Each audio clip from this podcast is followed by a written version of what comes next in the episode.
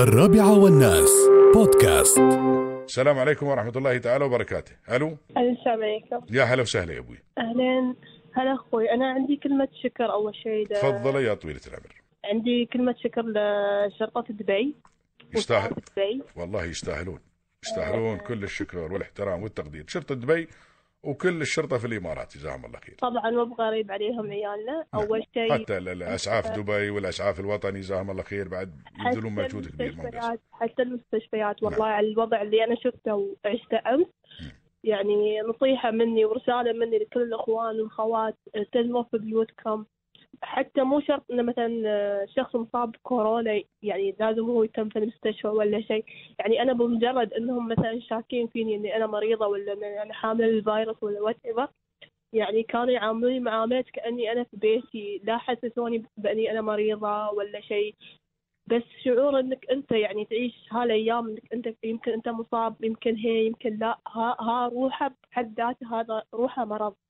يعني أتمنى من كل الناس جد رسالة أوجهها أتمنى من كل الناس إنه يتمون في بيتهم لأن الوضع اللي جاي الحين خطير جد جد على الوضع اللي نحن شفناه خطير. فالله يحفظنا ويحفظ شيوخنا وعيالنا. والله لا. يحط حد في نفس الموقف اللي أنا عشته أمس.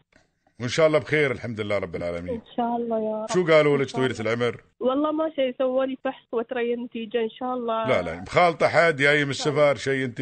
أنا كنت رادة من السفر تقريبا من 11 يوم ما. طلعت علي أعراض وللأسف يمكن بحكم وضعي في الدوام اضطريت إني أنا أداوم و... وبعدها يعني رديت من الدوام وأنا تعبانة حرارة على حمى على احتقان على هذا. فتواصلت على الرقم اللي هو خاص بصحة دبي نعم. وجزاهم الله خير ما قصروا طرشوني اسعاف وشرطوني للبيت ويو وفحصوني وجابوني للمستشفى ويمكن صح إن أنا انكسرت بحكم إني أنا ما راح أشوف أهلي أو ما راح أشوف ولدي لأن بيكون بعيد عني بس أقول الحمد لله الحمد الحين لله. أنت في المستشفى الله يطول عمرك. هي أنا أكلمك حاليا وأنا في الحجر الصحي آه زين إن شاء الله. إن شاء الله تطلع النتيجة.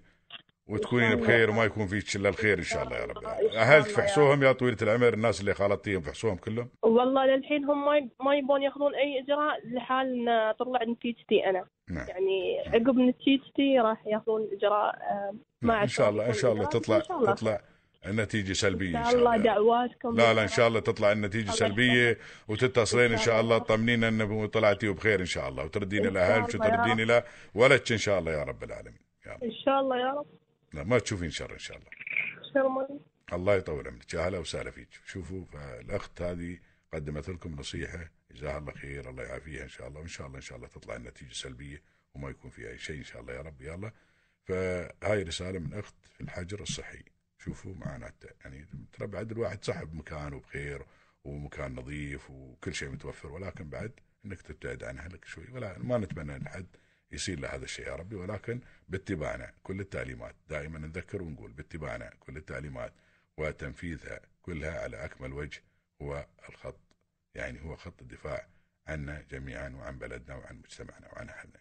فنتمنى للجميع إن شاء الله كل خير وصحة وسلامة. الرابعة والناس بودكاست.